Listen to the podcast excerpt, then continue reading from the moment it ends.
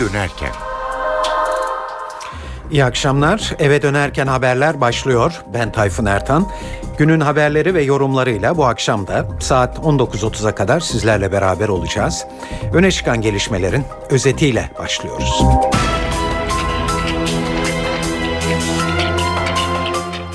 PKK'nın elindeki 8 kamu görevlisi bugün Kuzey Irak'ta serbest bırakıldı. Galatasaray Avrupa Şampiyonlar Ligi'nde çeyrek finale yükseldi. Alman gazeteleri eski Schalke oyuncusu Hamit Altın Top'u öne çıkardı.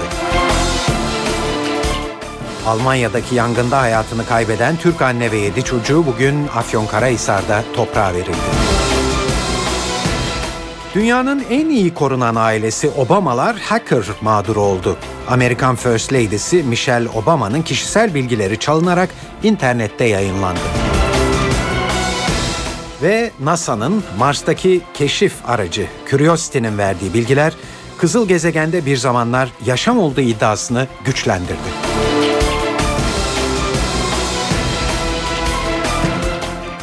Şimdi bu haberlerin ayrıntılarına geçiyoruz. Evet günlerdir beklenen sonunda gerçekleşti ve Öcalan'ın son İmralı görüşmelerinde açıkladığı üzere PKK elinde tuttuğu 8 kamu görevlisini serbest bıraktı. İki uzman çavuş, bir assubay, bir polis, bir kaymakam adayı ve 3 er Habur sınır kapısından Türkiye'ye giriş yaptı.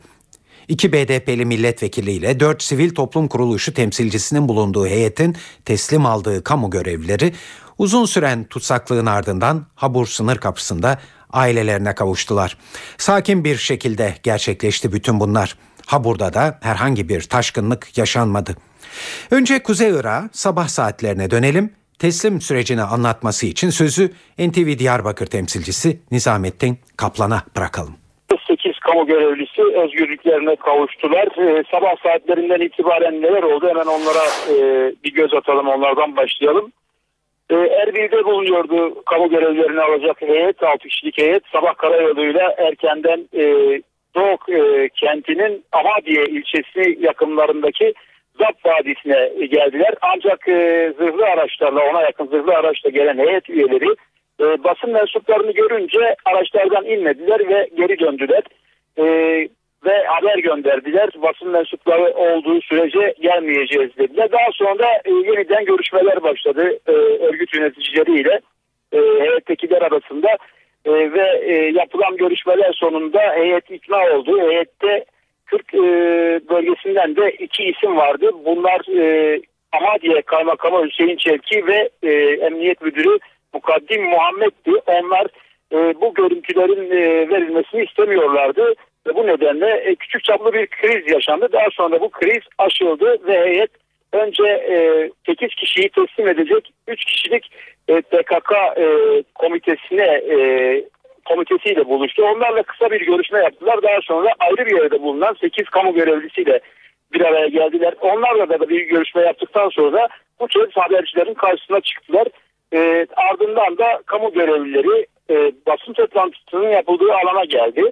E, kısa bir değerlendirme yapıldı taraflarca ve ilk sözü e, örgütü temsilen Baver Dersim Kodaklı Süleyman Şahin aldı ve 8 kamu görevlisinin teslim edilmesinin tamamen insani bir e, adım olduğunu vurguladı ve bir karşılık beklemediklerini söyledi. Yine bu adımı atarken de Öcalan'ın talebi üzerine e, bu adımın atıldığına vurgu yaptı. Yine e, ellerinde bulunan kamu görevlilerine herhangi bir kötü muamele yapılmadığını sağlık problemlerinin de olmadığını vurguladı. Daha sonra Hakkari BDP Hakkari Milletvekili Adil Kurt e, konuştu. E, Kürt bölgesinden e, bu randevunun gerçekleşmesi için çok destek, gördük, destek gördüklerini vurguladı ve iki ismin de heyette yer aldığını dile getirdi. E, Adil Kurt bir taraftan seviniyoruz. Sekiz kardeşimizi alıp aileleriyle görüştüreceğiz ama bir yandan da üzülüyoruz. Kürt sorunu hala çözülmüş değil bu sürece ilişkin bir jesttir. 8 askerin e, kamu görevlisinin serbest bırakılması şeklinde değerlendirmede bulundu. Daha sonra hazırlanan bir tutanak e, bulunanlar tarafından imzalandı ve e, kamu görevlileri özgürlüklerine kavuştular. O sırada kısaca e, kamu görevlilerinin duygularını öğrenmeye çalıştık ve e, serbest bırakıldıkları için ailelerine kavuşacakları için mutlu olduklarını söylediler. Akan karın durması e, konusunda da bazı mesajlar oldu. E, ardından da bu zırhlı araçlara bindirilerek e, Habur'a doğru yola e, konuldu.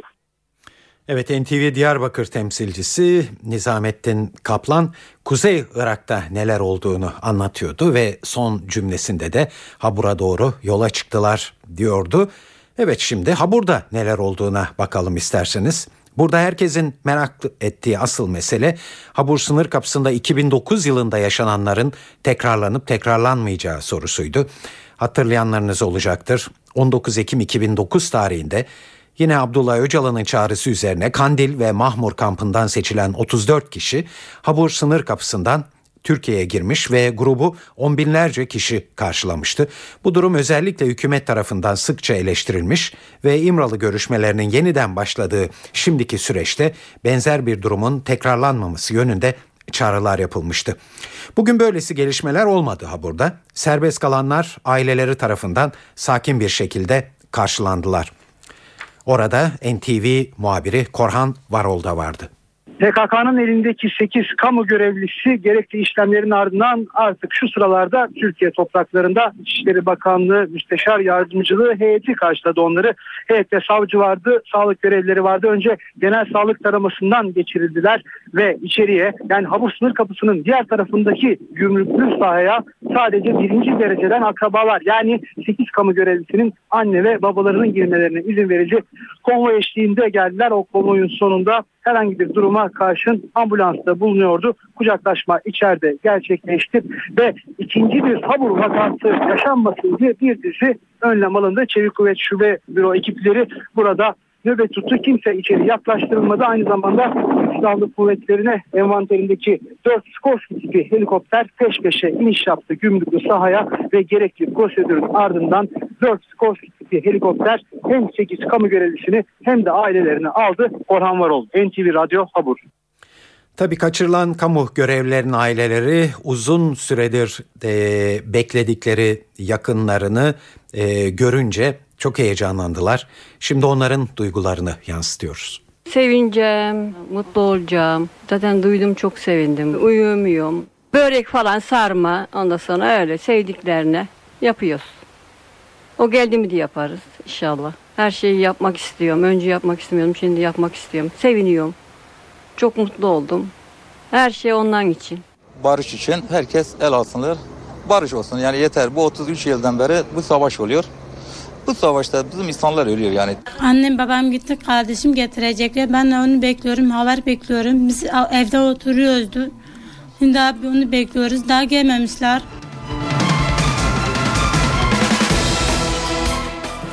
Tabii Kuzey Irak ve Habur'daki gelişmeler bugün siyasiler tarafından da yakından takip edildi. İlk değerlendirme resmi temaslar için İsveç'te bulunan Cumhurbaşkanı Abdullah Gül'den geldi. Gül, kamu görevlilerinin serbest bırakılmasını sevindirici sözüyle değerlendirdi ve süreç devam edecek diye konuştu.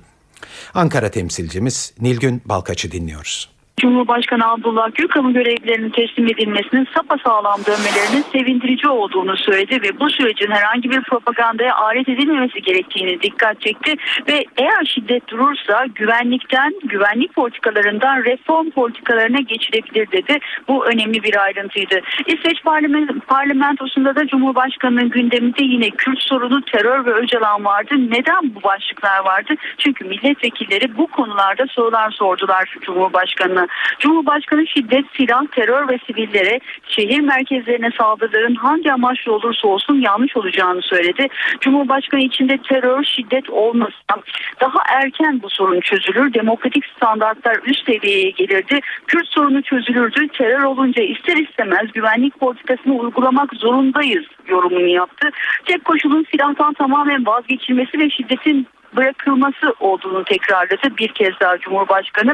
Öcalan'ın durumu da sorulan sorular arasındaydı bugün İsveç parlamentosundaki milletvekilleri tarafından. Cumhurbaşkanı Öcalan mahkemede yargılandı, mahkum edildi. Mahkum olarak hakları verilmekte, sağlık sorunu yok, televizyon izleyebiliyor, her şeyi takip ediyor. Bir tecrübe söz konusu değil ama mahkumiyetini çekmeye devam edecek değerlendirmesinde bulundu. Cumhurbaşkanı Gül sorunun bitmesi için önemli bir süreçten geçildiğini söyledi ama dikkat çekici mesajları da vardı. Şimdi sorunun bitmesi için konuşmak erken dedi ve çeşitli kışkırtmalar olabilir. Silah tamamen bırakılıncaya kadar sor, bırakıldığı anda ancak sorundan kurtuluruz yorumunu yaptı. Cumhurbaşkanının bugün parlamentoda ve basın toplantısında verdiği mesajların ayrıntıları özetle böyleydi. Tabii bu gelişme e, BDP heyetinin İmralı'da Abdullah Öcalan'la yaptığı görüşme sonrasında açıklanan bir jestin gerçekleşmesi anlamına geliyor siyasi açıdan. Bu görüşmede Abdullah Öcalan'ın Nevruz'da eylemsizlik kararı açıklamak istediği de duyurulmuştu. Şimdi yakın bir tarihte yeni bir görüşme daha bekleniyor. Dolayısıyla bu görüşmede neler e, söyleneceği de merak edilmekte. Ankara muhabirlerimizden Ercan Gürses, AK Parti Genel Başkan Yardımcısı Hüseyin Çelik'e bu yeni görüşmeden neler beklediklerini sordu. Abdullah Öcalan kendi uzantısı olan e, üç ayrı kaynağa mektuplar gönderdi. Sanırım BDP'nin e, ve Avrupa'nın mektuplarının hazır olduğunu biliyoruz. E, Kandil'in mektubu da e, eli kulağında diye biliyorum ben. Yani bu aldığımız bilgilere göre. Bu üçü tamamlandığı zaman BDP'li üçüncü bir heyetin tekrar adaya gitmesi, bunu Abdullah Öcalan'la paylaşması e, her an olabilecek bir şeydir. Efendim 21 Mart'ta yani Nevruz'da PKK'nın geri çekilmesi ya da silahların bırakılması gibi bir adım bekliyor musunuz? E, tabii ki bekliyoruz çünkü bizim Nevruz yeniden dirilişin adıdır. Nevruz e, bahar bayramıdır. Nevruz güzel haberin müjdecisidir. E, ve, ve adeta hayatın yeniden neşvünema bulmasıdır de yeşermesidir. Nevruz'un ruhuna uygun bir davranış olur eğer bu yapılırsa en azından e, susları silahların susması yani bir başlangıç olarak son derece e, anlamlı olur. Kendileri de zaten e, buna benzer şeyler söylüyorlar. Gerek BDP'ler gerek farklı kaynaklardan. E, bu olursa bu, bu tabii e, olması gereken olur ve arkasında gelmesi gerekiyor. Yani tabii keşke hiç kimse eline silah alıp kimseye saldırmamış olsaydı. Ama bu bir fiili durumdur. Öncelikle silahların susması, sonra silahların e, bırakılması e, bırakılması ve bu silah taşıyan kimselerin e, yurt dışına çıkması, yani Türkiye'nin topraklarını terk etmesi başından beri sürecin gereği olan şeylerdir. Ee, Ben temenni ediyorum ki bunların hepsini göreceğiz. Ee, İnşallah herhangi bir dediğim gibi yol kazası olmadan bu süreç yürürse bunları hep birlikte göreceğiz. Ben güzel şeyler olacağına inanıyorum. Evet bugün 8 kişi serbest bırakıldı dedik. İçişleri Bakanı Muammer Güler e, bunlarla ilgili ne olacağı üzerine bazı açıklamalar yaptı. Güler bu kamu görevlerinin görevlerine iade edileceklerini söyledi. teslim edilmiş olmalarını insani buluyoruz. E, teslim edilmesi aşamasında katkı verilen davranışları olumlu davranışlar olarak değerlendiriyoruz ama kaçırılmaları da bu getirilmiş olmaları ne kadar insani ise kaçırılmış olmaları da bir hak ihlalidir. İnsani değildir. E, özgürlüğün kısıtlanmasıdır ve asla tasvip edilecek bir olay değildir. Asla tekerrür etmemelidir. Bu konudaki çabaları gösteren siyasi partiler, vakıflar, sivil toplum örgütleri bundan sonrasında da bu terör eylemlerinin e, durması, silahlı eylemlerin durması konusundaki çabalarını da artırmalıdırlar. Askeri şahıslar onların tespitleri yapıldıktan sonra tabii ki görevlere iadeleri sağlanacak. Çözüm sürecine eğer katkı verilecekse bu konudaki katkının silahların bırakılması, terör eylemlerinin sona erdirilmesi ve bunların tabii kınanması anlamında bir iyi niyet olarak devam ettirilmesi lazım. Evet CHP de gelişmelerden memnun görünüyor. Parti sözcüsü Haluk Koç'tan bir açıklama geldi.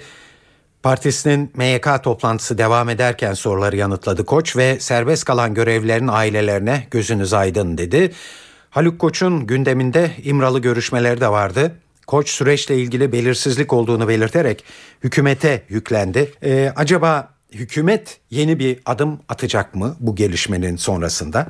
Sabah gazetesi başyazarı Mehmet Barlas yeni anayasada evrensel kriterlere uygun bir vatandaşlık tanımı yapılmalı diyor. E, bence herkesin aklını başına toplayıp barıştan yana olması lazım. Demokrasiden, hukukun üstünlüğünden yeni vatandaşlık kavramını e, daha evrensel bir çizgiye oturacak yeni özgürlükçü anayasanın yapımına herkes katkıda bulunmalı. O zaman bu bölücü terör gündemden çıkacaktır. Şu anda PKK kadrolarının ya da suçların affı gündemde değil. Şu andaki fotoğraf bu. Ama yani bundan birkaç yıl önce devletin kamuoyu önünde gizli değil Abdullah Öcalan'la konuşmasını düşünebilir miydiniz? Müzakere etmesine. Abdullah Öcalan mesaj gönderecek. Açlık grevi sona erecek. Mesaj gönderecek. E, e, tutuk, tutukladıkları, tuttukları Türkleri serbest bırakacaklar. Kamu görevlerini. Dün dündür bugün bugündür yani Demirel'in lafı doğru. Yarın ne olacağını bilemiyorum. Ama bu çizgi devam ederse yarın terör olmayacak. Yarın Güneydoğu'da kan dökülmeyecek. Anneler ağlamayacak. Böyle bir yarın görüyorum. Taraf gazetesi genel yayın yönetmeni Oral Çalışlar'da tüm siyasi kesimlerin sürece tam destek vermesi gerektiği düşüncesinde.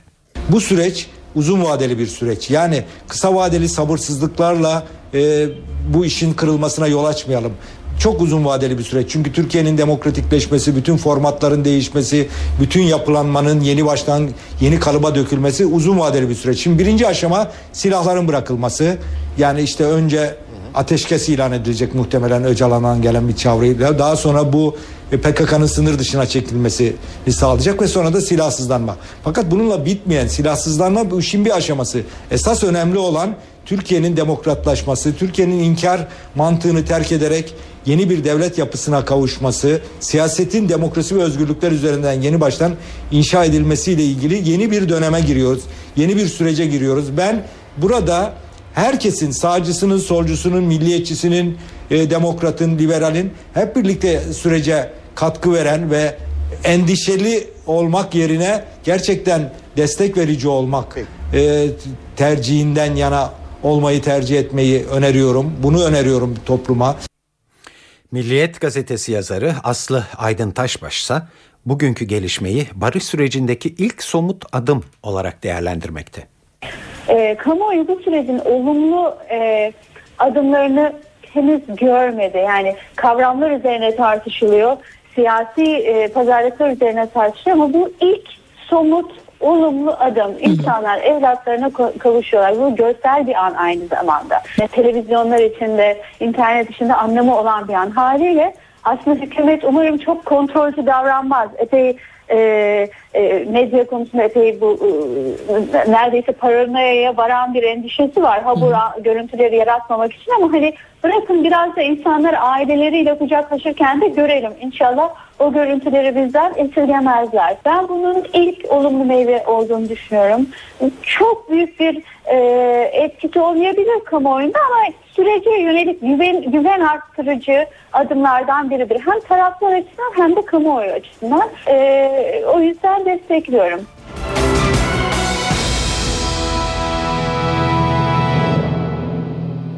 Saat 18.23 eve dönerken haberler devam ediyor. Galatasaray Şampiyonlar Ligi'nde çeyrek finale yükselerek Almanya'da kimilerine göre tarih yazdı ve tabi asıl kasasına ciddi miktarda euro doldurdu. Sarı Kırmızılı takım İstanbul'da 1-1 berabere kaldığı Schalke 04'ü deplasmanda 3-2 mağlup etti ve Devler Ligi'nde adını son 8 takım arasına yazdırdı. Galatasaray Teknik Direktörü Fatih Terim maç sonunda NTV Spor'a Schalke karşısında bileklerinin hakkıyla kazanarak turu geçtiklerini söyledi. Bazen çok iyi oynuyorsunuz bazen kötü oynuyorsunuz ama sonuçta e, Galatasaray takımı bileğinin hakkıyla özellikle zaten ilk yarı daha da farklı yapmamız gerekirdi. İkinci yarı kritik anlarda e, direndik direnmeye de çalıştık. Golü erken yedik esasında kritik noktada ama çocuklar gereğini yaptılar. Hepsini alınlarından öpüyorum. Hele ilk yarı için söyleyeceğim hiçbir kelime yok. Ona sadece oyuncularıma tebriklerimi sunuyorum. Alınlarından öpüyorum. Ülke adına önemli bir e, zafer bu. E, çünkü işte Avrupa'nın en iyi 8 takımına kaldınız. E, bu heyecanı ülkeye yaşayacak. Bu heyecanı Galatasaray taraftarlar yaşayacak. Biz şuna alışmalıyız.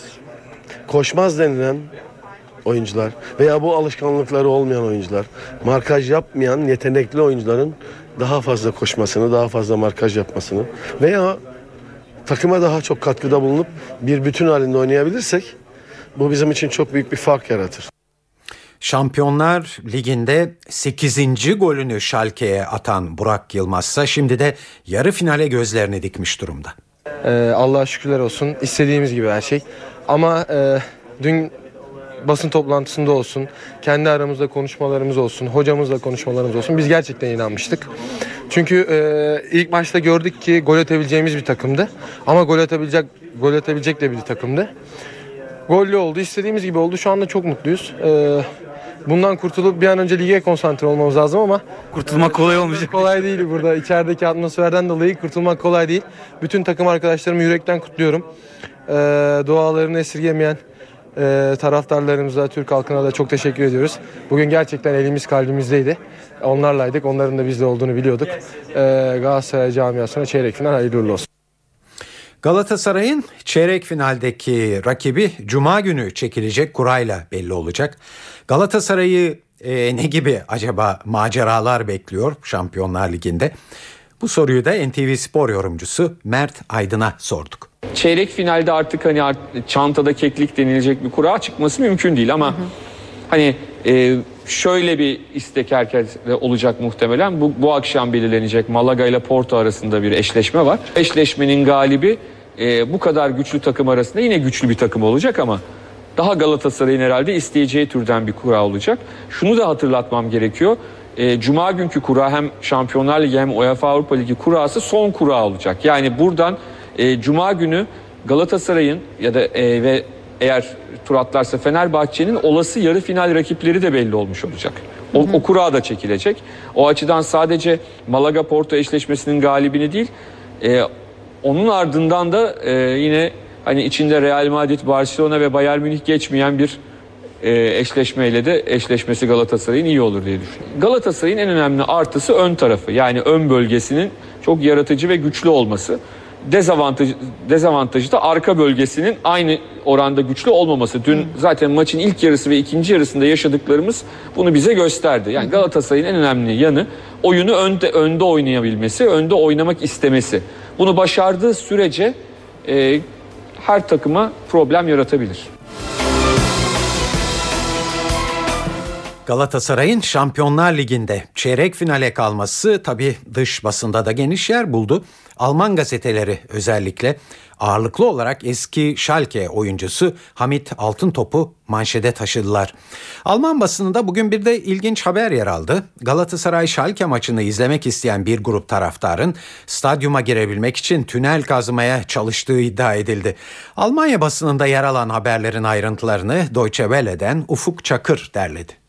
Galibiyet Almanya'da yaşayan Türkler arasında öncelikle büyük sevinç yaşattı. Alman basını maçın olaylı geçebileceği uyarısında bulunuyordu. Ancak maç öncesi ve sonrasında herhangi bir tatsız olay e, yaşanmadı. E, bunun yanı sıra e, Türk seyirciler için 2700 bilet ayırmıştı Schalke yönetimi. Ancak e, yayıncı kuruluş Sky da bunu ifade etti. Tribünlerdeki Türk futbol severlerin sayısı 10 bini buldu. Bunun yanı sıra ilginç bir olay yansıdı Alman basınına maçtan bir gün önce bazı Galatasaraylı taraftarların e, takımlarını izleyebilmek için bilet bulamayan bazı taraftarların tünel kazmaya çalışarak stadyuma girmeye çalıştıkları yer aldı. Hatta e, Schalke kulübü e, sportif direktörü Horselt de bunu bir televizyon röportajında doğruladı böyle bir girişim olduğunu e, ancak e, başarısız e, olunduğundan bahsetti. Güvenlik görevlilerince uzaklaştırıldığı belirtildi bu taraftarların.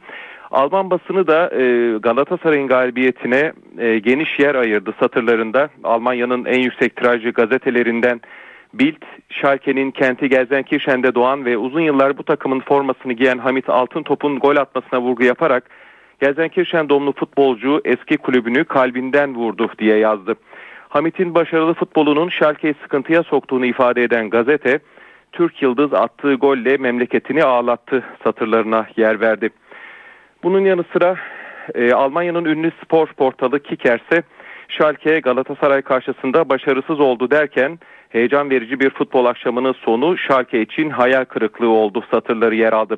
Kaleci Hildebrandt'ın acı verici, Kaptan Hövedes'in de elenmenin şaşkınlığı içindeyiz şeklindeki açıklamalarını manşete taşıyan Kicker, şimdi Schalke'nin tüm dikkatini Bundesliga'ya vereceğini yazdı. Köln'de yayınlanan Express gazetesi ise 3-2 Schalke'nin hücum oyunu geri tepti başlığını kullandı. Hamit'in eski takımı karşısında gol attığını yazan gazete rüyanın sonu Schalke çeyrek finale yükselme şansını kaçırdı değerlendirmesinde bulundu. Alman yayın kurumu Deutsche Welle, bizim de bağlı olduğumuz Deutsche Welle'nin Almanca sayfası ise Galatasaray'ın galibiyet haberini Galatasaray Schalke'ye bir numara büyük geldi başlığıyla duyurdu.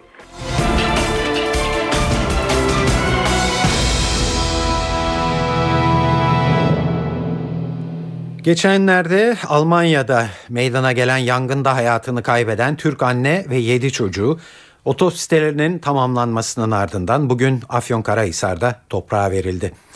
Ayrıntıları muhabirimiz Özden Erkuş anlatıyor. Hatice Yılmaz, Abdülkadir, İzzet, Yasin, Ahmet, Murat ve anneleri Nazlı yan yana can vermişlerdi. Bu son yolculuklarına da birlikte uğurlandılar. Almanya'daki yangında hayatını kaybeden anne ve 7 çocuğu Afyonkarahisar'da hüzünlü bir törenin ardından toprağa verildi. Dün cenazeler İstanbul'a getirilmişti. Gece boyunca otopsileri yapıldı. İstanbul'daki otopsi işleminin ardından 8 Türk'ün cenazesi sabah saatlerinde Baba Ocağı Afyonkarahisar'a getirildi. Tabutlar tek tek cami avluna taşındı. En küçüğü 6 aylık, en büyüğü 17 yaşındaydı çocukların. Tıpkı can verdikleri anda olduğu gibi yine yan yanalardı. Hayatlarında bir kez bile ana vatanlarına gelmemişlerdi. Ama köklerinin bulunduğu toprağa tabut içinde getirildiler. Anne Nazlı Özcan Soykan'ın yakınları uzun süredir göremedikleri akrabalarının tabutuna sarılarak gözyaşı döktü. Dede Yılmaz Oruç konuştu. Son olarak internette görüşmüştük dedi. Hoş sohbetten başka bir şey de yoktu diye konuştu. Dede Yılmaz Oruç hayatını kaybeden 17 yaşındaki torununa hiç giyemeyeceği bir de gelinlik getirdi. Aslında o gelinlik annesinin yine 17 yaşında evlenirken giydiği gelinlikti. Hatice Oruç'un tabutunun üstüne serildi. Ve geride kalanlar İbrahim ve Halil. Korkunç yangından kurtulan ama anneleri ve kardeşlerini kaybeden iki yetim. Onlar da son görevleri için saf tuttu. Anne ve yedi çocuğu Kocatepe Asli Mezarlığı'nda toprağa verildi. Tören öncesinde Bekir Bozdağ soruları yanıtladı. Merak edilen konu neden cenazelere bir kez daha otopsi yapıldıydı. Bekir Bozdağ bizim kendi iş hukukumuzla ilgili bir yönü var. Türkiye'nin kendi mevzuatı çerçevesinde otopsi yapılır. Dışarıda otopsi yapılması yeni bir otopsinin yapılmasına engel değildir dedi. Ardından ekledi. Türkiye'nin büyük acıları, tecrübeleri oldu. Kafalarda sorular oluştu. Bu soruların ortadan kalkması için otopsi yapıldı. Alman makamlarla ilgili bir güven sorunumuz yok dedi. Özden Erkuş, NTV Radyo, Afyonkarahisar. Dünyada ilk kez kadavradan rahim nakli yapılan Derya Sert anne olmaya adım adım yaklaşıyor.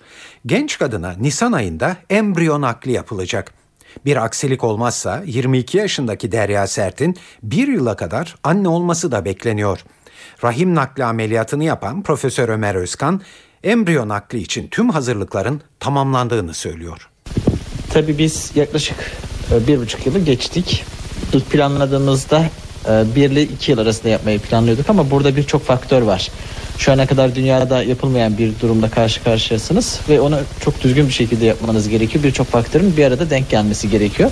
Aslına bakarsanız biz yıl sonundan itibaren yapmayı planlıyoruz ama her şeyin bir arada güzel şekilde olmasını istiyoruz. Çok yani birçok insanın ümit bağladığı bir şey. Ee, şu anda her şey güzel gidiyor. Yaklaşık 2-3 aydır da olumsuz bir e, tabloyla karşılaşmadık. Bakanlıkta da zaten görüş alışverişindeyiz. Başka merkezlerle de bu konularla tabii işte e, IVF dediğimiz tüp bebekleri de tecrübeli birçok merkezde de görüş alışverişindeyiz. İnşallah önümüzdeki aydan itibaren e, transfere başlamayı bir ay bulmaz başlamayı planlıyoruz. Tabii şu ana kadar denemeler için birçok e, böyle girişimlerimiz oldu ama bunlar da hep değişik ya embriyo ile ilgilidir ya o anda e, değişik şu anda teknik nedenlere çok girmeye gerek yok. Onlarla ilgili nedenlerle gerçek anlamda ay başından itibaren inşallah olumlu e, girişimlere başlamayı planlıyoruz. Ama burada tabii tüp bebekli birçok insanın bildiği gibi bir başarı yüzdesi var ama elimizde yeterince embriyo var. Bunlardan e, inşallah iki yıla kadar kalmaz sonunda e, olumlu bir sonuç alırız diye umuyorum. Saat 18.39 NTV Radyo'da eve dönerken e, haberleri dinliyorsunuz. Şu ana kadar sizlere e, Türkiye'den haberler sunduk. Şimdi dünyada en çok konuşulan haberlerle devam ediyoruz.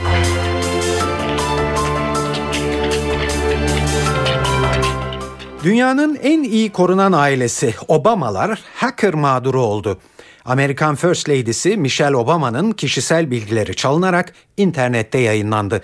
Dünyada şaşkınlık yaratan bu haberi Amerikan Başkanı ve ailesini korumakla görevli olan Amerikan Gizli Servisi duyurdu. Başkan Barack Obama ise hackerların bu bilgilere ulaşabilmesini şaşırtıcı bulmadığını söyledi. Hackerların aslında tek mağduru tabii First Lady değil. Amerikan Başkan Yardımcısı Joe Biden ve eski Dışişleri Bakanı Hillary Clinton da hackerların hedefinde oldu. Beyoncé, Britney Spears, Kim Kardashian, Arnold Schwarzenegger, Paris Hilton ve Donald Trump gibi ünlü isimlerin de kişisel bilgileri daha önce ele geçirildi. Tüm bu isimlerin sosyal güvenlik numaraları, banka hesap bilgileri, adres ve telefon numaraları bir internet sitesinde yayınlandı. Olayla ilgili olarak bir soruşturma başlatılırken eylemin arkasında Rus hackerların olabileceği belirtilmekte.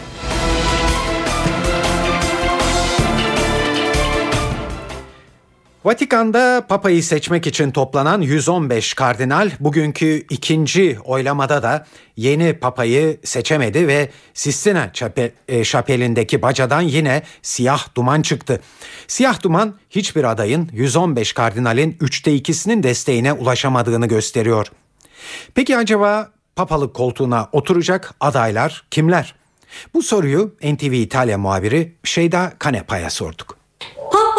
E, seçimlerinde dört isim öne çıkıyor. Bir tanesi İtalyan, ikisi Amerikalı, biri de Brezilyalı.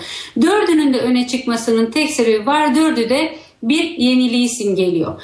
E, favoriler içi, içerisinde öne çıkan isim İtalya Milano Kardinali Angelo Scola. Kendisi kültürler arası diyaloğa çok sıcak bakan bir papa ve seçildiği takdirde İslam dünyasında diyalogla kilit rol oynayacağı düşünülüyor. O yüzden bir yeniliği temsil ediyor. Amerikalı iki e, kardinal ise farklı açılardan yeniliği temsil ediyor. Ee, Boston e, Kardinali O'Malley e, Hristiyan e, ruhban rahiplerinin en e, ruhban sınıfının en mütevazi mezhebi olan Fransiskan rahiplerini temsil ediyor ve kardinal olmasına rağmen üzerinde çok basit siyah bir ruhban elbisesiyle dolaşıyor. Eğer o papa olursa Vatikan'ın şatafata e, alışkın olduğumuz görüntüsünden uzak bir politika izleyecek kuvvetle muhtemel. Yine Amerikalı bir başka e, e, kardinal New York e, kardinali de olan halka yakınlığıyla çok seviniliyor. Vatikan'daki basın mensupları arasında da en sevilenin kendisi olduğunu söyleyebiliriz. Brezilyalı olan bir başka favori Papa ise 145 e, milyon e, Katolik inananla dünyanın en yoğun e, Katolik toplumunu temsil ediyor. Evet, çarpıcı eylemleriyle ünlenen Ukraynalı Femen grubu bu seçimler devam ederken bu sefer de gözlerin çevrili olduğu zaten Vatikan'da ortaya çıktı. İki Femen üyesi eşcinsellerin evlenmesine karşı çıkan kiliseyi protesto etti. Üzerlerinde yeter papa yazılı eylemciler eşcinsel evliliğe karşı çıkışı nedeniyle Vatikan'ı protesto etti. Polis ellerindeki pembe meşalelerle St. Peter meydanına girmek isteyen eylemcileri gözaltına aldı. Son yıllarda Avrupa'da eşcinsel evliliğe desteğin artması üzerine Vatikan itirazını daha yüksek bir sesle dile getirmeye başlamıştı.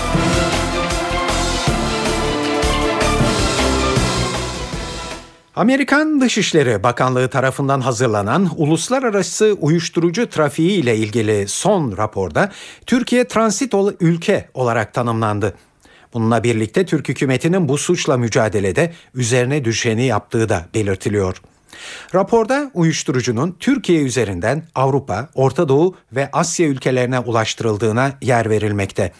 Türkiye'deki ana uyuşturucu kaçakçılarının Kürtler ve İranlılar olduğu da belirtiliyor. Bütün bunlara karşın Türkiye'nin bu suçla mücadelede uluslararası yükümlülüklerini yerine getirdiğinin altı da çiziliyor ve Türkiye'de geçen yıl 9 ayda 11 tondan fazla eroin ele geçirildiği ifade ediliyor.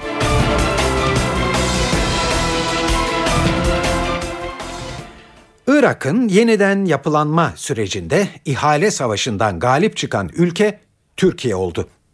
Evet, Irak Savaşı'nın 10. yıl dönümünde bu değerlendirmeye yer veren İngiliz Financial Times gazetesi Türkiye'nin Irak'taki yatırımlarının her geçen gün arttığına da dikkat çekiyor.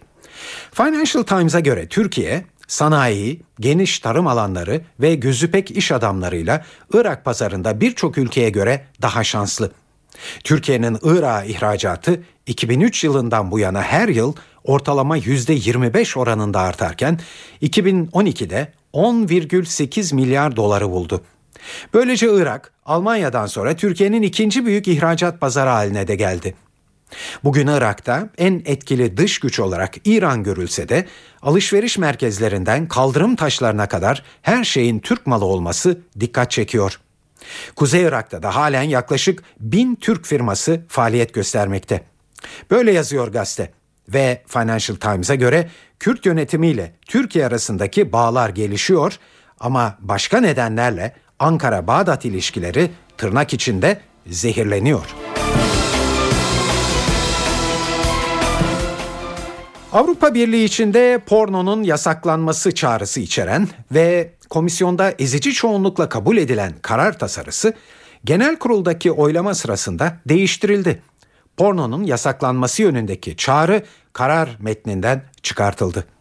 Ayrıntıları NTV Strasbourg muhabiri Kayhan Karaca'dan alıyoruz. Avrupa Parlamentosu Genel Kurulu sayesinde derin bir nefes aldı diyebilirim.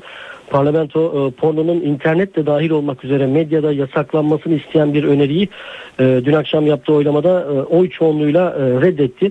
Söz konusu e, öneri Avrupa Parlamentosu'nun Kadın Hakları ve Cinsiyet Eşitliği Komisyonu tarafından Avrupa Birliği içinde cinsiyete bağlı klişelerin ortadan kaldırılması konusunda hazırlanmış bir rapor ve bu rapora e, ek olarak hazırlanmış bir karar tasarısında yer almaktaydı. Karar tasarısında Avrupa Birliği devletlerinden medya, internet ve reklam sektörlerinde özellikle seks ve pornoyu tamamen yasaklamaları e, istenmekteydi. Gerekçe olarak da medya, iletişim ve reklam sektörlerinde cinsiyete bağımlı e, bağlı pardon ayrımcılık yaşandığı ve ürünlerin pazarlanması için kadınların cinsel özne olarak kullanıldığı televizyon programları, e, video oyunları ve video kliplerinde kadınların seksi pozlar ve tahrik edici kıyafetlerle ticari amaçlar için kullanıldığı not edilmekteydi. Pornonun her geçen gün daha da kabul gören ve çoğu zaman parlamentonun kullandığı tabirle ülküleşen kültürel unsur haline geldiği de e, bir gözlem olarak bu taslak metinde yer almaktaydı. Ve bu e, gözlemlerden yola çıkılarak da Avrupa Birliği devletlerinin medyada her türlü pornografiyi yasaklamaları, medya ve reklam sektöründe pornoyu denetleyecek özel mekanizmalar oluşturmaları ve özellikle de e, küçük kızları cinsel malzeme olarak kullanan şirketlere cezai, cezai yaptırım uygulamaları e, talebinde bulunulmuştu. Ancak ne olduysa bu taslak metin e, Kadın Hakları ve Cinsiyet Eşitliği Komisyonu'nda ezici çoğunlukla kabul edildikten sonra oldu. Porno endüstrisi ve internet e, hizmet sağlayıcıları en azından bu sağlayıcıların bazıları e, bu e, öneriye sert tepki verip e, taslak metnin porno ile ilgili bölümünün genel kurulda reddedilmesi için kulis yapmaya başladılar son bir aydır. Tüm bu kulis faaliyetleri meyvelerini de verdi ve dün yapılan oylamada taslak metinde pornonun yasaklanmasını talep eden bölüm kaldırıldı. Arap Baharı'nın ilk kıvılcımı Tunus'ta bir gencin kendini yakmasıyla parlamıştı. Tunus'ta yine işsiz bir genç kendini yaktı. Başkent Tunus'ta seyyar sigara satıcılığı yapan 27 yaşındaki Adil Kedir, işte diplomamın beni getirdiği nokta bu diyerek üzerine benzin döktü ve kendini ateşe verdi. Çevredekilerin müdahalesiyle hastaneye kaldırıldı genç ama hayatını kaybetti. İki yıl önce Muhammed Bouazizi'nin benzer şekilde kendini yakması Arap Baharı protestolarını başlatmıştı. Yolsuzluğa bulaşan ülkeler yokluğa da düşüyor. Yolsuzluk sermaye kaçışlarına neden olurken hukuka olan güveni de zedeliyor. Dünyada yolsuzluğun ulaştığı nokta şaşırtıcı boyutta. Küresel Mali Dürüstlük adlı izleme grubunun raporunda alıyor bu bilgiler. Evet bu rapora göre 2001 ile 2010 yılları arasında 150 gelişmekte olan ülkeden yasa dışı yollardan çıkartılan para 5 trilyon 86 milyar doları buluyor. Yolsuzluğun en çok tespit edildiği ülke Çin. 10 yılda Çin'den yasa dışı yollarla çıkan para 2 trilyon 75 milyar dolar olarak hesaplanmakta. Yolsuzlukta ikinci sırada Meksika geliyor. Orada yoksulluğa bağlı kayıp 476 milyar doları buluyor ve bu para Meksika'daki nüfusa bölündüğünde kişi başına gelirde 4500 dolarlık kayıp anlamına geliyor. Listede tabi Rusya da var. 152 milyar dolarla 5. sırada. Afrika kıtasından Nijerya ise 129 milyar dolarla 7. sırada. Türkiye ile ilgili bilgileri de unutmayalım. Rapora bakılırsa Türkiye'den de 2001 ve 2010 yılları arasında yasa dışı yollardan 27 ila 32 milyar dolar arasında para çıkışı kayda geçmiş.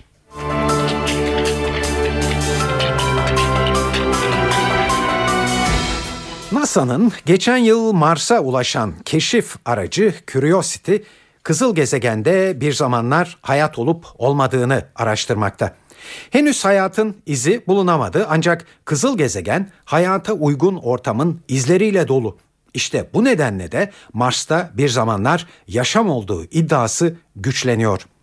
Curiosity kaya tozunda ancak suyun bulunduğu yerde rastlanabilecek kil mineralleri tespit etti. Curiosity incelemelerde yaşam için mutlaka olması gereken oksijen, sülfür, nitrojen, fosfor ve karbon gibi elementlere de rastladı. 2,5 milyar dolarlık projenin başrolündeki bu keşif aracı Curiosity'nin üzerinde 17 kamera, bir meteoroloji istasyonu ve kayalardan aldığı örnekleri tahlil edebilecek bir laboratuvar bulunuyor.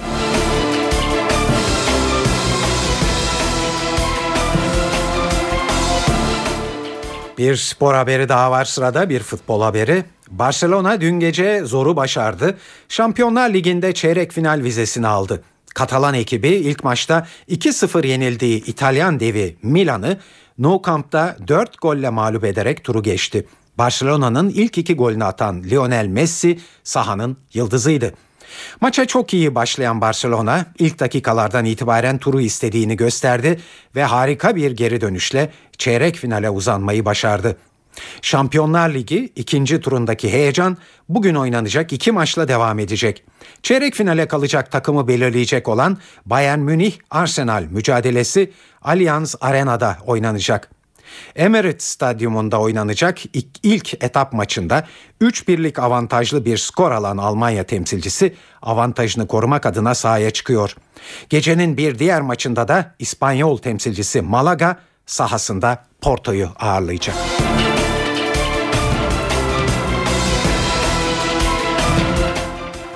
Şimdi de yurt genelinde hava durumuna bakacağız. Tahminler için NTV Meteoroloji Editörü Gökhan Abur'a kulak veriyoruz. İyi akşamlar. Lodos kuvvetleniyor. Yarın akşam özellikle Cuma günü Ege, Marmara ve Batı Karadeniz'de yer yer fırtına şeklinde esecek.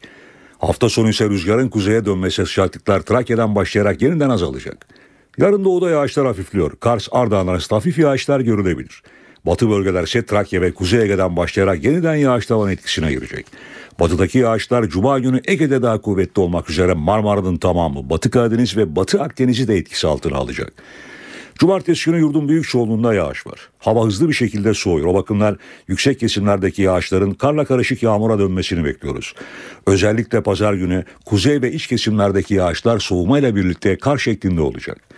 Evet İstanbul'da yarın hava oldukça sıcak. Yine gündüz sıcaklığı 20 dereceye kadar çıkacak ama cuma günü kuvvetli yağmur geliyor ve rüzgar gece saatlerinde hızlı bir şekilde kuzeye dönerek gece yarısından sonra sıcaklıkları azaltacak. Ankara'da sıcaklıklar bahar değerlerinde yarın için 20 derece olacak gündüz sıcaklığı gece sıcaklığı 14 dereceye çıkacak. Cuma günü Ankara'da da fırtına bekliyoruz. İzmir'de lodos giderek kuvvetlenecek. Sıcaklık 22 dereceye çıkıyor. Cuma günü ise kuvvetli sağanak yağış ve rüzgar görülecek.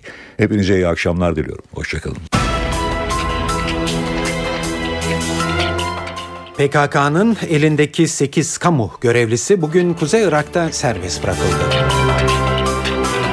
Galatasaray Avrupa Şampiyonlar Ligi'nde çeyrek finale yükseldi ve Alman gazeteleri eski Schalke oyuncusu Hamit Altıntop'u öne çıkardı. Şimdi bu haberlerin ayrıntılarına geçiyoruz. Evet günlerdir beklenen sonunda gerçekleşti ve Öcalan'ın son İmralı görüşmelerinde açıkladığı üzere PKK elinde tuttuğu 8 kamu görevlisini serbest bıraktı. İki uzman çavuş, bir az subay, bir polis, bir kaymakam adayı ve 3 er Habur sınır kapısından Türkiye'ye girdi ve aileleriyle karşılandılar sakin geçen bir törende. Ama şimdi bu sürecin nasıl gerçekleştiğine bakacağız. E, dolayısıyla Kuzey Irak'ta sabah saatlerine gideceğiz. Teslim sürecini anlatması için sözü NTV Diyarbakır temsilcisi Nizamettin Kaplan'a bırakıyoruz. 8 kamu görevlisi özgürlüklerine kavuştular. Ee, sabah saatlerinden itibaren neler oldu hemen onlara e, bir göz atalım onlardan başlayalım. Ee, Erbil'de bulunuyordu kamu görevlerini alacak heyet, 6 kişilik heyet. Sabah karayoluyla erkenden e, Doğu e, kentinin Amadiye ilçesi yakınlarındaki Zap Vadisi'ne geldiler. Ancak e, zırhlı araçlarla ona yakın zırhlı araçla gelen heyet üyeleri e, basın mensuplarını görünce araçlardan inmediler ve geri döndüler. E, ve haber gönderdiler. Basın mensupları olduğu sürece gelmeyeceğiz dediler. Daha sonra e, yeniden görüşmeler başladı e, örgüt yöneticileriyle e, heyettekiler arasında e, ve e, yapılan görüşmeler sonunda heyet ikna oldu. Heyette 40 e, bölgesinden de iki isim vardı. Bunlar e, Amadiye Kaymakamı Hüseyin Çelki ve e, Emniyet Müdürü Mukaddim Muhammed'di. Onlar e, bu görüntülerin e, verilmesini istemiyorlardı. Ve bu nedenle e, küçük çaplı bir kriz yaşandı. Daha sonra bu kriz aşıldı ve heyet önce e, 8 kişiyi teslim edecek 3 kişilik e, PKK e, komitesine e, komitesiyle buluştu. Onlarla kısa bir görüşme yaptılar. Daha sonra ayrı bir yerde bulunan 8 kamu görevlisiyle bir araya geldiler. Onlarla da bir görüşme yaptıktan sonra bu kez habercilerin karşısına çıktılar. E, ardından da kamu görevlileri e, basın toplantısının yapıldığı alana geldi. E, kısa bir değerlendirme yapıldı taraflarca ve ilk sözü e, örgütü temsilen Baver Dersim Kodaklı Süleyman Şahin aldı ve 8 kamu görevlisinin teslim edilmesinin tamamen insani bir e, adım olduğunu vurguladı ve bir karşılık beklemediklerini söyledi. Yine bu adımı atarken de Öcalan'ın talebi üzerine e, bu adımın atıldığına vurgu yaptı. Yine e, ellerinde bulunan kamu görevlilerine herhangi bir kötü muamele yapılmadığını, sağlık problemlerinin de olmadığını vurguladı. Daha sonra Hakkari, BDP Hakkari Milletvekili Adil Kurt e, konuştu. E, Kürt bölgesinden e, bu randevunun gerçekleşmesi için çok destek, gördük, destek gördüklerini vurguladı ve iki ismin de heyette yer aldığını dile getirdi. E, Adil Kurt bir taraftan seviniyoruz. Sekiz kardeşimizi alıp aileleriyle görüştüreceğiz ama bir yandan da üzülüyoruz. Kürt sorunu hala çözülmüş değil. Bu sürece ilişkin bir jesttir. 8 askerin e, kamu görevlisinin serbest bırakılması şeklinde değerlendirmede bulundu. Daha sonra hazırlanan bir tutarak e, heyette bulunanlar tarafından imzalandı ve e, kamu görevlileri özgürlüklerine kavuştular. O sırada kısaca e, kamu görevlilerinin duygularını öğrenmeye çalıştık ve e, serbest bırakıldıkları için ailelerine kavuşacakları için mutlu olduklarını söylediler. Akan karın durması e, konusunda da bazı mesajlar oldu. E, ardından da bu zırhlı araçlara bindirilerek e, Habur'a doğru yola e, konuldu. Evet Habur'a geldiklerinde kendilerini aileleri e, bekliyordu. E, uzun zamandır e, yollarını gözleyen e, aileleri kucakladılar gelen görevlileri. Orada NTV muhabiri Korhan Varol da vardı. PKK'nın elindeki 8 kamu görevlisi gerekli işlemlerin ardından artık şu sıralarda Türkiye topraklarında İçişleri Bakanlığı Müsteşar Yardımcılığı heyeti karşıladı onları. Heyette savcı vardı, sağlık görevlileri vardı. Önce genel sağlık taramasından geçirildiler ve içeriye yani Habur sınır kapısının diğer tarafındaki gümrüklü sahaya sadece birinci dereceden akrabalar yani 8 kamu görevlisinin anne ve babalarının girmelerine izin verici konvoy eşliğinde geldiler. O konvoyun sonunda herhangi bir duruma karşın ambulansta bulunuyordu. Kucaklaşma içeride gerçekleşti ve ikinci bir tabur vakası yaşanmasın diye bir dizi önlem alındı. Çevik Kuvvet Şube Büro ekipleri burada nöbet tuttu. Kimse içeri yaklaştırılmadı. Aynı zamanda silahlı kuvvetlerine envanterindeki 4 Skorsky tipi helikopter peş peşe iniş yaptı gümrüklü sahaya ve gerekli prosedürün ardından 4 Skorsky tipi helikopter hem 8 kamu görevlisini hem de ailelerini aldı. Orhan Varol, NTV Radyo Habur. Evet bir süre dinlenecek bu 8 kamu görevlisi daha sonra da yine e, eski görevlerine başlayacaklar. Bunu İçişleri Bakanı Muammer Güler açıkladı. Teslim edilmiş olmalarını insani buluyoruz. E, teslim edilmesi aşamasında katkı verilen davranışları olumlu davranışlar olarak değerlendiriyoruz ama kaçırılmaları da bu getirilmiş olmaları ne kadar insani ise kaçırılmış olmaları da bir hak ihlalidir. İnsani değildir. E, özgürlüğün kısıtlanmasıdır ve asla tasvip edilecek bir olay değildir. Asla tekerrür etmemelidir. Bu konudaki çabaları gösteren siyasi partiler, vakıflar, sivil toplum örgütleri bundan sonrasında da bu terör eylemlerinin e, durması, silahlı eylemlerin durması konusundaki çabalarını da artırmalıdırlar. Askeri şahıslar onların tespitleri yapıldıktan sonra tabii ki görevlere iadeleri sağlanacak. Çözüm sürecine eğer katkı verilecekse bu konudaki katkının silahların bırakılması, terör eylemlerinin sona erdirilmesi ve bunların tabii kınanması anlamında bir iyi niyet olarak devam ettirilmesi lazım.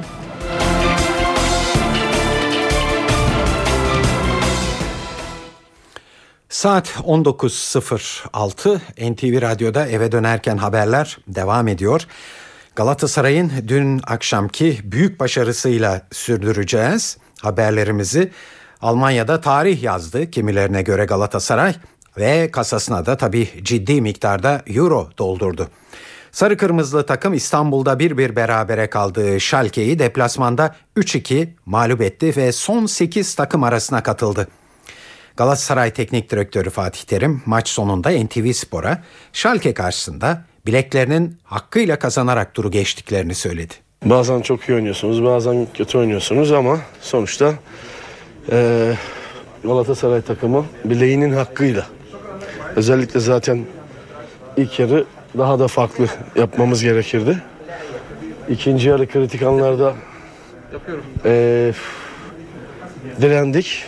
Direnmeye de çalıştık. Golü erken yedik esasında kritik noktada ama çocuklar gereğini yaptılar. Hepsini alınlarından öpüyorum. Hele ilk yarı için söyleyeceğim hiçbir kelime yok. Ona sadece oyuncularıma tebriklerimi sunuyorum. Alınlarından öpüyorum. Ülke adına önemli bir e, zafer bu. E, çünkü işte Avrupa'nın en iyi 8 takımına kaldınız. E, bu heyecanı ülkeye yaşayacak. Bu heyecanı Galatasaray taraftarlar yaşayacak. Biz şuna alışmalıyız. Koşmaz denilen oyuncular veya bu alışkanlıkları olmayan oyuncular, markaj yapmayan yetenekli oyuncuların daha fazla koşmasını, daha fazla markaj yapmasını veya takıma daha çok katkıda bulunup bir bütün halinde oynayabilirsek bu bizim için çok büyük bir fark yaratır. Evet Şampiyonlar Ligi'nde dün gece de golünü atıp 8 gole ulaşan Burak Yılmaz gözlerini yarı finale dikmiş durumda.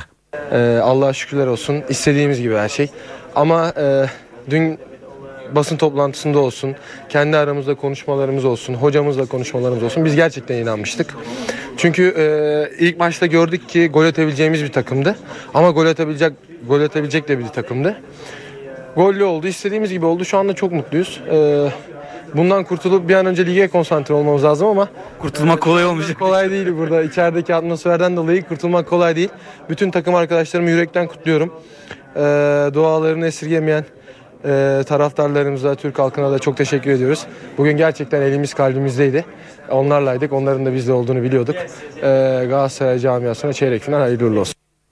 Galatasaray çeyrek finaldeki e, rakibini kim olduğunu e, çok beklemeden öğrenecek. Cuma günü çekiliyor kurallar ve Galatasaray Şampiyonlar Ligi serüveninde yeni maceralar yaşayacak. Bu acaba ne gibi olabilir ve kiminle yaşanacak bu macera? NTV Spor yorumcusu Mert Aydın'a sorduk. Çeyrek finalde artık hani çantada keklik denilecek bir kura çıkması mümkün değil ama hı hı.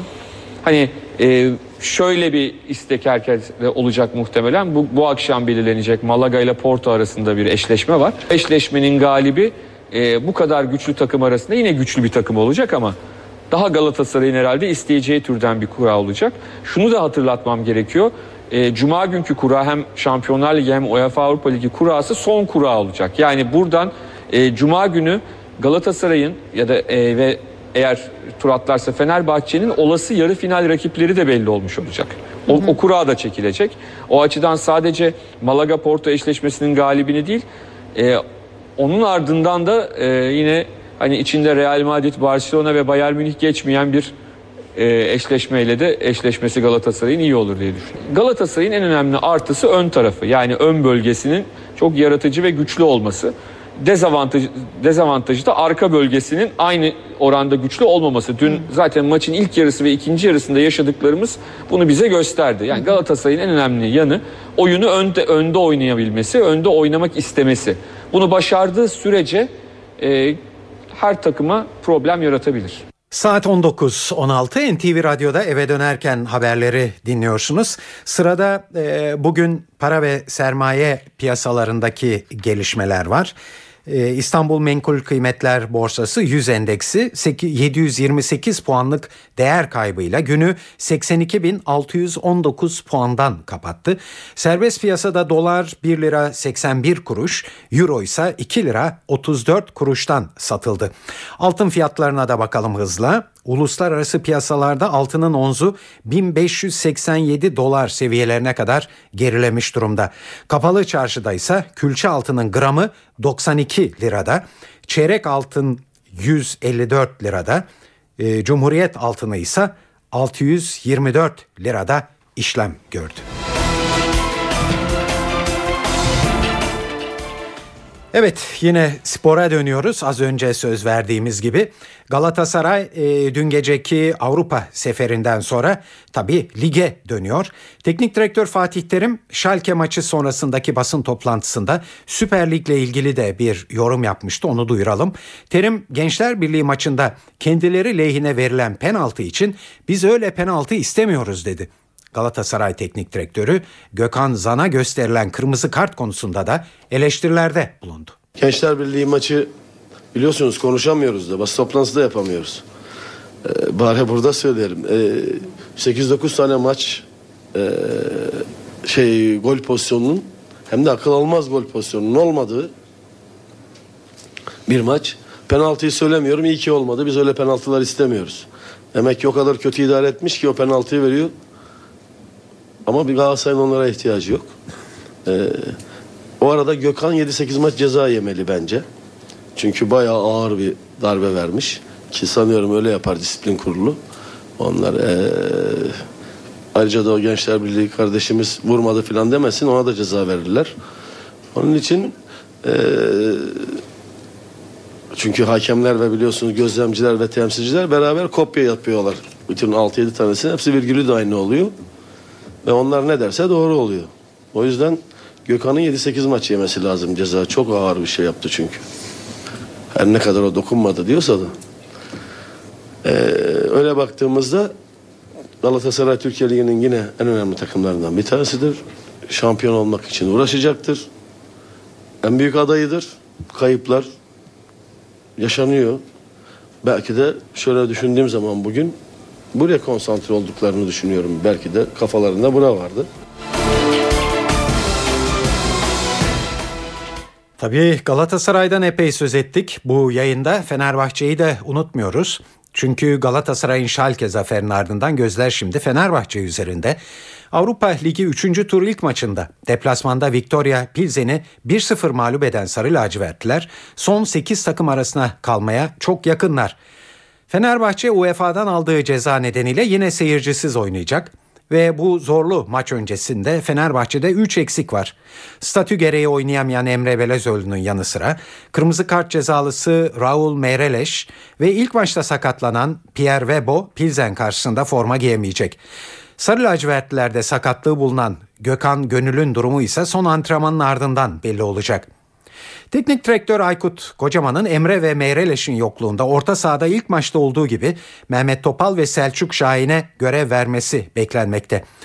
Aykut Kocaman bugün Victoria Pilsen'in maç çevirebilecek güçlü bir rakip olduğunu bir kez daha vurguladı. Çok güçlü bir şekilde turu geçmek için çaba gösterecekler ki aynı ülkenin bir örnekleme yapayım hemen e, belki daha zihinlere e, yerleşir diye. Aynı ülkenin e, benzer güçteki takımı bir tur önce kendi sahasında 1-0 kaybettiği maçta Sparta Prag Chelsea deplasmanında 90 artı 3'te yediği bir golle tura veda etmişti 1-0 e, öne geçip. Dolayısıyla kesinlikle ve kesinlikle aynı güçte bir takım e, hiç e, ihmale gelmiyor. Bence pozisyon değişikliklerinden ziyade takım içinde takım gücü yüksek. Beraber hareket etme uyumu çok yüksek bir takım e, Pilsen takımı. Umarım ve dilerim en büyük isteğim Fenerbahçe ailesi adına da hakikaten bundan sonraki turu görmek. Belki ondan sonra arkasına belki bir tur daha ekleyebilmek. Çünkü takımın içinde böyle bir güç var. Bu güç yavaş yavaş ortaya çıkarıyor. E, umarım bunu hızlandırarak devam ettirme şansı yakalarım, yakalarız. Evet kültür ve sanat dünyasından haberlerimiz var sırada. Size çeşitli etkinliklerden bir derleme sunuyoruz.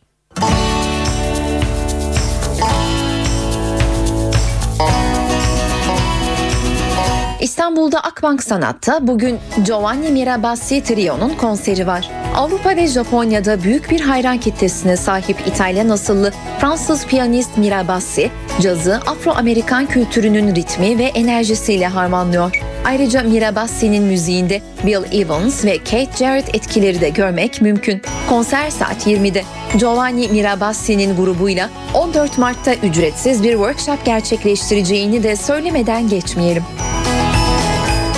Erkan Oğur Telvin projesi bugün Kadıköy sahnede. Oğur'un 1995 yılında İlkin Deniz ve Turgut Alpbekoğlu ile hayata geçirdiği projeyi bir kez daha dinlemek isterseniz saat 21.30'da konserin başlayacağını söyleyelim. Uzun yıllar İstanbul Devlet Senfoni Orkestrası'nın daha sonra Borusan Filarmoni'nin kontrbasçılığını yapan Yaz Baltacıgil bugün Nardis Jazz Club'da dinlenebilir. Konser saat 21.30'da. Premieri Hollanda'da yapılan Başka Bir Toprak adlı oyun bu kez Şişli Blackout talimhane sahnesinde seyirciyle buluşuyor. Oyun ailesinin gelenekleri, kendi kimliği ve idealleri arasında sıkışıp kalan bir adam hakkında. Şaban Ol'un yönettiği oyun saat 20.30'da başlayacak. İstanbul Devlet Tiyatrosu Civan Canova'nın yazıp yönettiği Düğün Şarkısı adlı oyunu bu akşam Üsküdar Stüdyo sahnede tiyatro severlerin beğenisine sunuyor. Atların çektiği ışıltılı gelin arabasının zaman içinde bal kabağına dönüşmesini ya da dönüşme ihtimalinin neden olduğu korkuları, tedirginlikleri anlatıyor. Bu tek perdelik oyun. Başlama saati 20.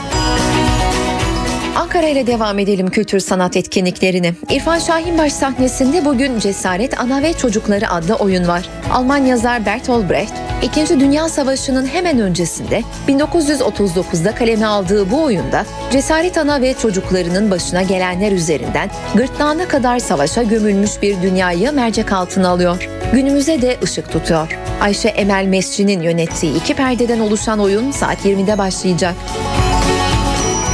İzmir'de düzenlenen Avrupa Caz Festivali bugün Pablo Hel Trio'yu konuk ediyor. Alman cazının en heyecan verici grupları arasında gösterilen üçlü saat 20'den itibaren Ahmet Adnan Saygun Sanat Merkezi'nde. İzmir Devlet Opera ve Balesi Çakırcalı Efe adlı iki perdelik dans tiyatrosuyla bugün Elhamra sahnesinde. Gösteride İzmir'in Kavakları adıyla bilinen Türkiye konu olan Çakırcalı Mehmet Efe'nin yaşam öyküsü anlatılıyor. Koreografisini Kadir Bengiyer'in yaptığı Yekta Oktay'ın sahneye koyduğu Çakırcalı Efe saat 20'den itibaren sahnede. 1998'de İlla ve Livaneli şarkıları albümlerinden sonra konserlerle hayranlarına ulaşan Leman Sam, bugün İzmit Süleyman Demirel Kültür Merkezi'nde bir konser verecek. Konser saat 20'de başlayacak. Evet, eve dönerken haberler bu akşam da burada sona eriyor. Bu yayının editörlüğünü Onur Koçaslan, stüdyo teknisyenliğini Mehmet Can Bahadır yaptı. Ben Tayfun Ertan. Hepinize iyi akşamlar diliyoruz. Hoşçakalın.